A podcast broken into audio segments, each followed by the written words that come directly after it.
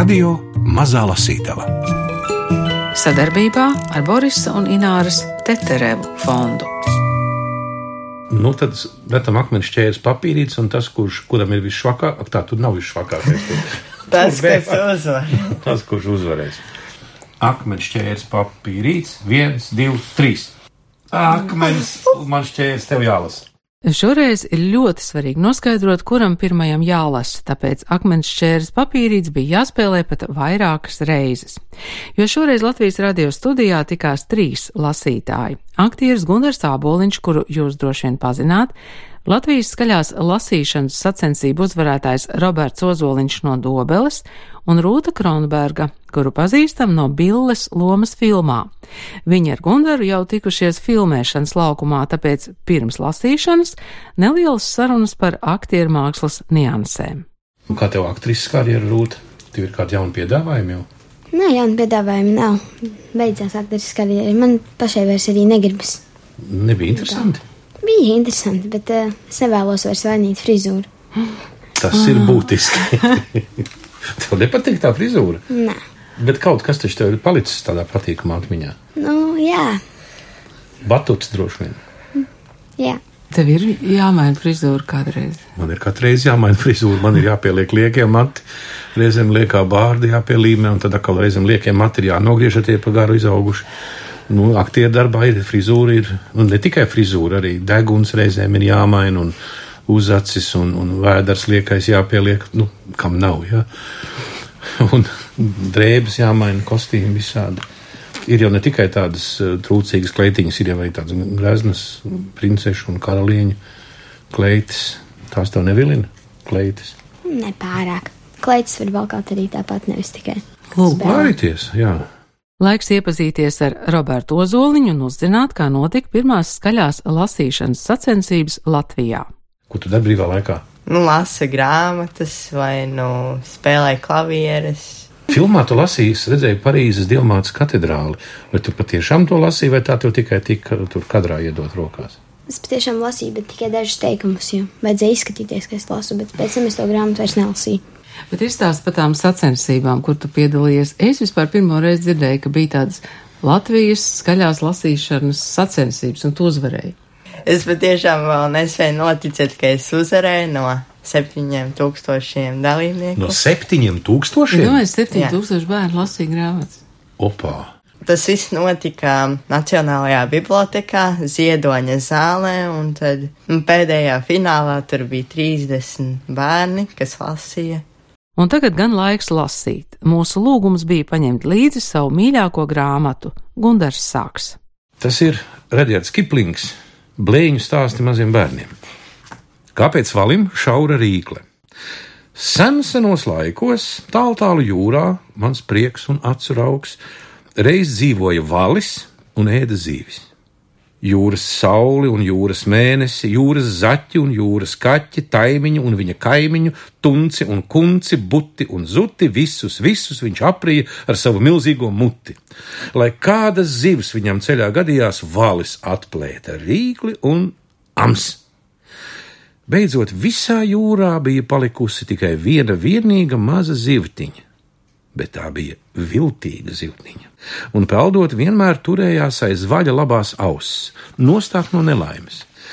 Tad vālis saslējās uz astes un bļāva: Man gribas ēst!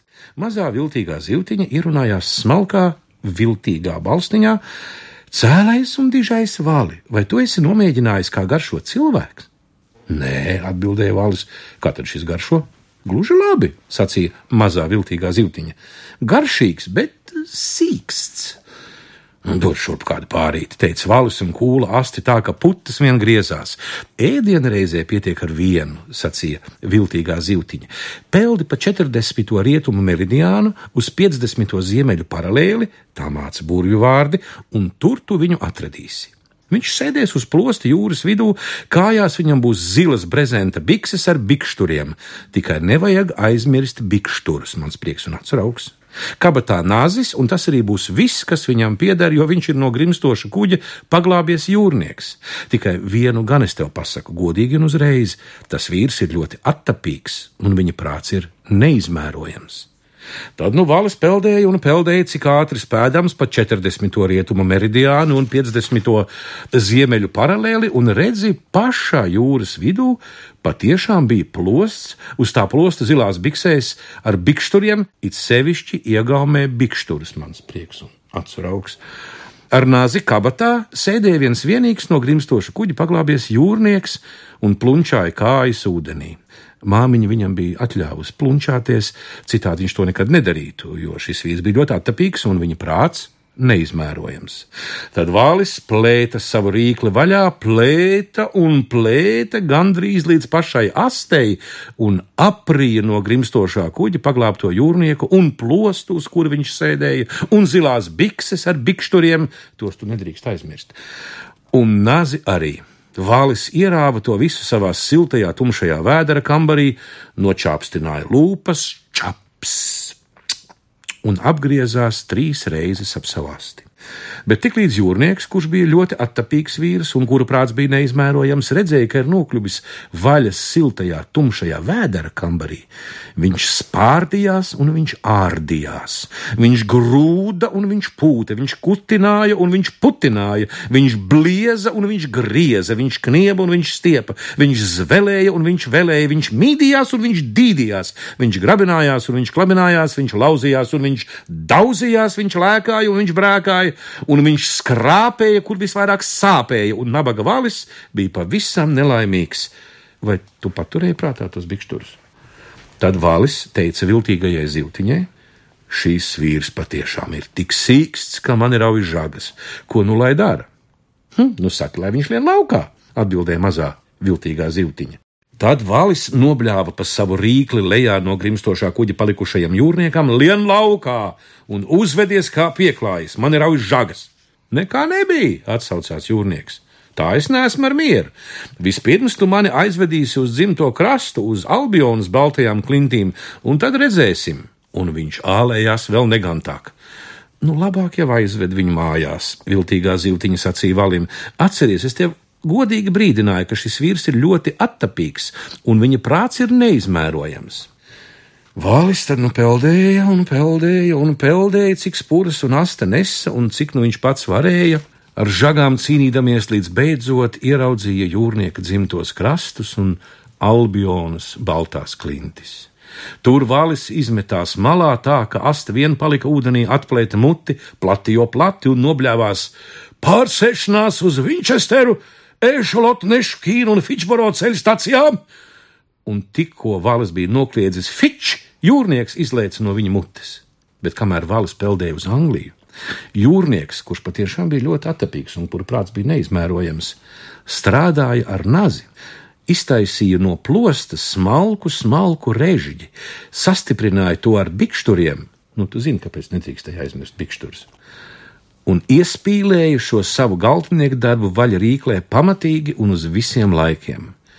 Katram gadījumam viņš vēl noskaitīja buramvārdus, nu, klausies, ja neesi dzirdējis, ja? Nu, diezgan kamts, nu, diezgan rīts, tev režģis rīklē iesprūdīts, jo šis jūrnieks bija arī drusciņš burvis. Viņš izkāpa akmeņainajā krastā, gāja uz mājām pie savas mātes, kas viņam bija ļāvusi plunčāt kājas ūdenī, aprecējās un dzīvo laimīgi vēl šodien, ja nav miris. Valis arī ir dzīves. Tikai no tās reizes viņam rīklē ir restes, lai viņš vairs nevarētu tā rīstīties un nēstu neko citu kā viens sīkas, sīkas zivtelis. Tāpēc vaļi nekad vairs nerīja ne lielus cilvēkus, ne puikas, ne mazas meitenītes.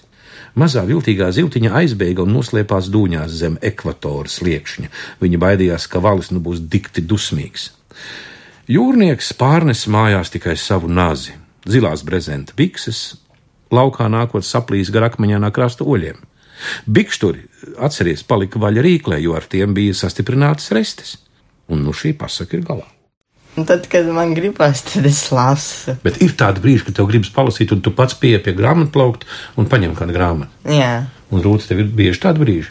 Es nezinu, kad man paliek garlaicīgs, un man gribas lasīt, tad es arī paņemu grāmatu un lasu, bet eh, tā man vecāki neliek lasīt. Es paņēmu vienu grāmatiņu līdzi, kas tā ir pa grāmatiņu. Mazais Nikolā. Oh, tā ir tāda mīļa grāmatiņa, kāpēc tev tā patīk? Es nezinu, viņa ir diezgan smieklīga. Man patīk tā grāmata. Tas ir franču, tāds labs, smalks, viegls un tīrs uh, franču humors. Varbūt palasīsim. Vēstule. Es baigi uztraucos par tēti, jo viņš pilnīgi neko vairs neatceras. Vienu vakaru pasniegs man atnesa lielu paku, un es biju ļoti priecīgs, jo man ļoti patīk, ka pasniegs man nes paciņas. Un tās vienmēr ir dāvanas, ko man sūta mimīte, kas ir manas māmas mamma, un tēti saka, ka tā taču nevarot lutināt bērnu, un tad sanāk ķīvēšanās ar māmiņu, bet šoreiz ķīvēšanās nenotika. Un tētis bija ļoti apmier, apmierināts, jo paciņa nebija no mimītes, bet no mužbuma kunga, kas ir tēta priekšnieks. Tā bija zosu spēle, man jau vien ir, un iekšā bija vēstule man, manam dārgajam Nikolā, kam ir tik čakls tētis, Rožē mužbums. Tā nu gan ir iedoma, teica māmiņa.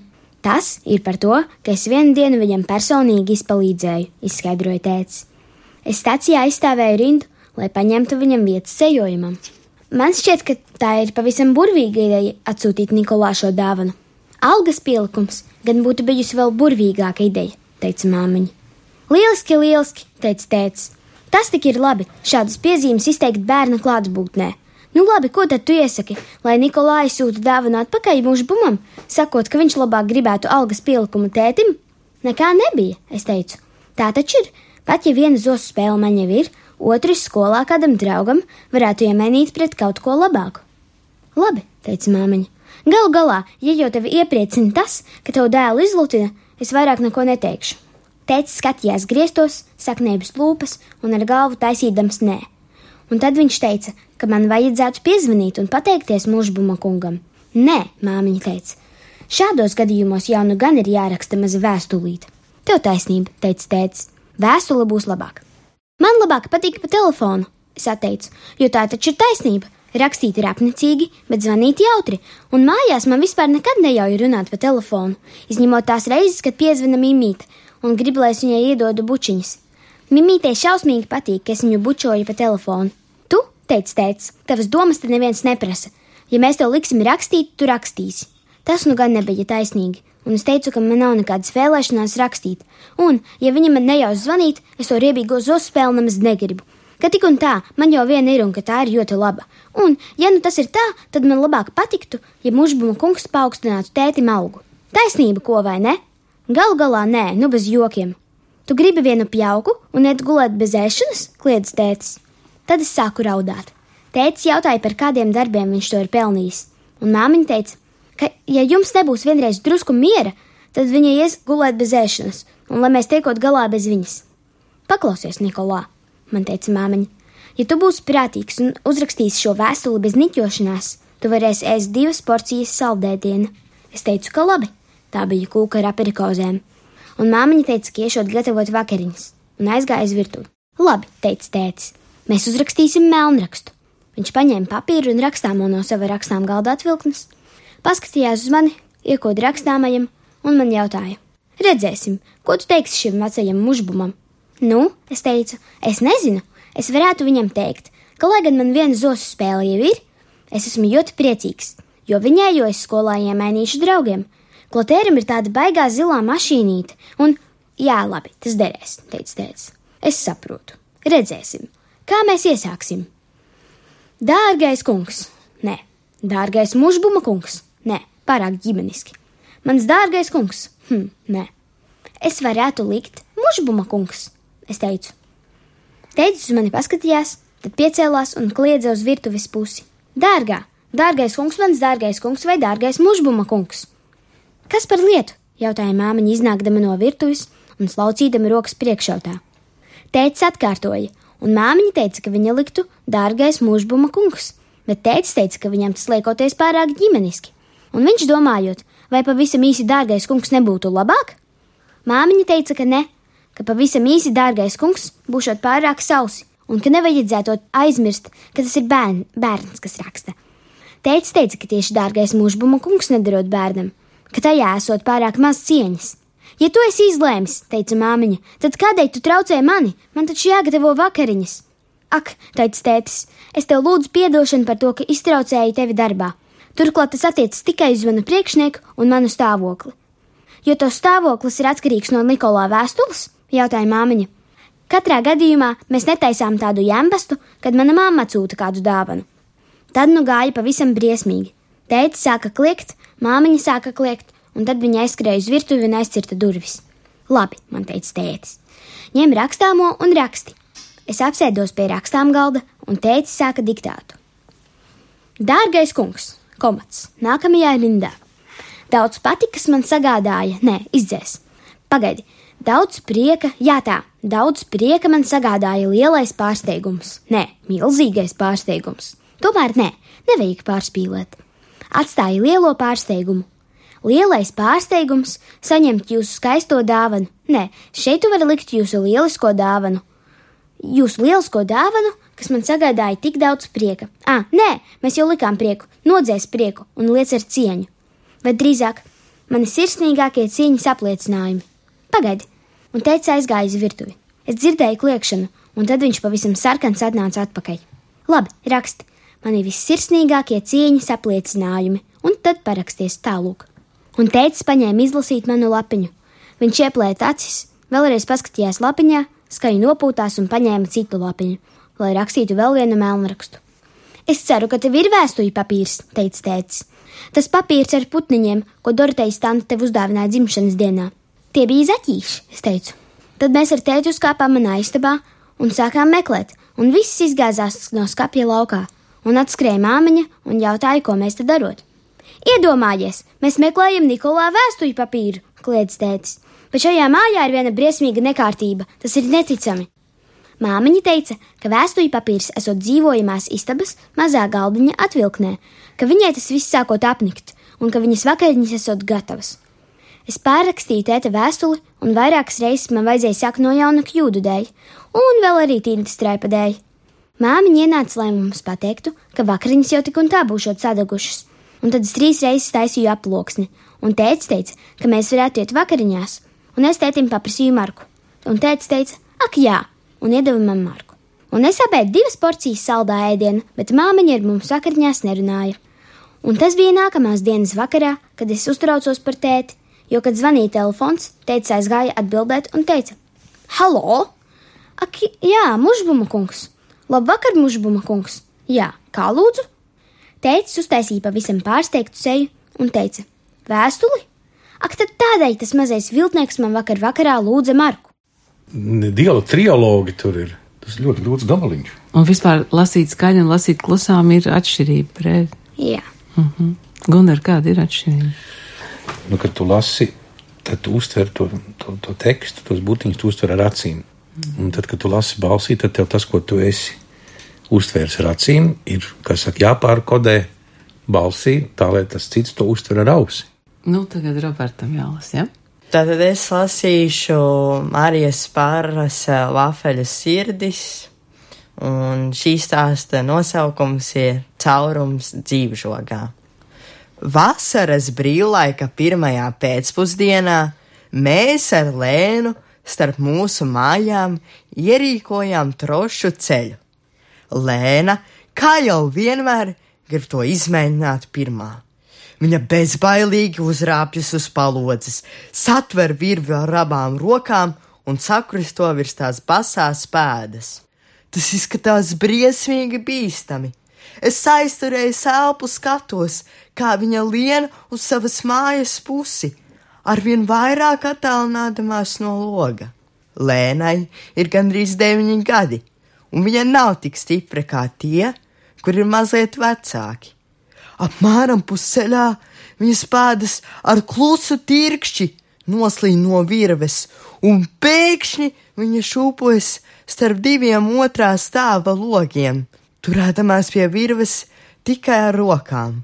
Mana sirds sāk daudzīties. Ui, saka Lēna, turpini!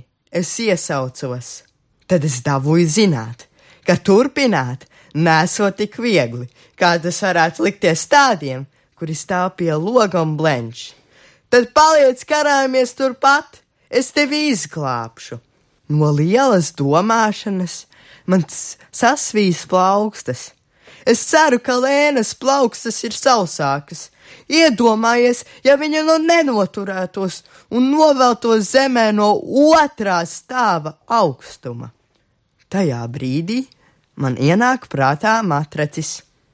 Kamēr Lēna tur karājas, cik vien labi vien mācēdama, es no mammas un tēta gultas norauju matraci, izstumu to gaitenī, nogrūžu lejā pa kāpnēm, izvelku mazajā priekšnamā, atveru ārduvis, nosperu to lejā ārā pa kāpnēm un izstiepju dārzā.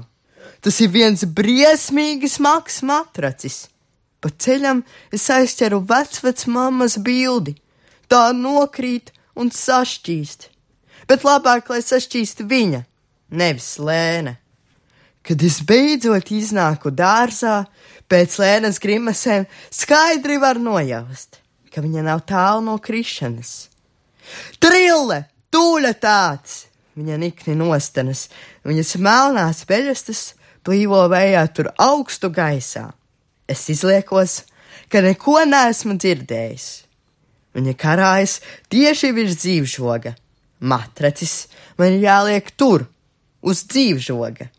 Nebūtu nekādas jēgas, to likt to kaut kur citur.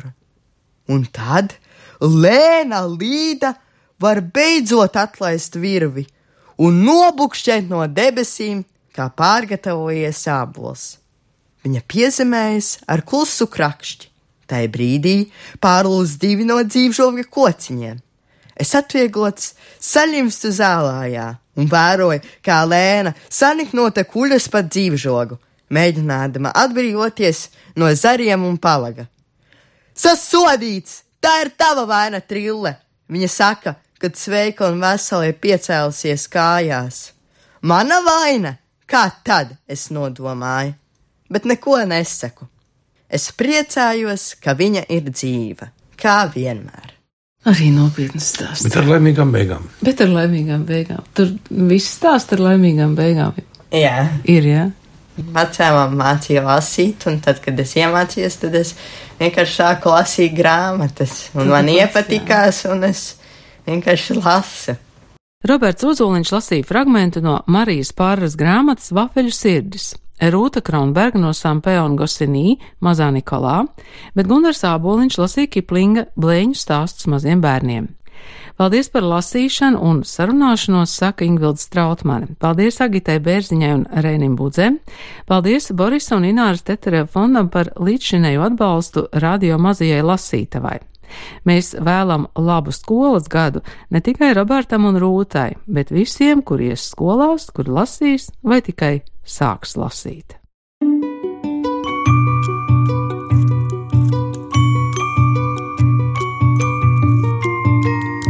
Radio Mazā Lasītava. Sadarbībā ar Borisa un Ināras Teterevu fondu.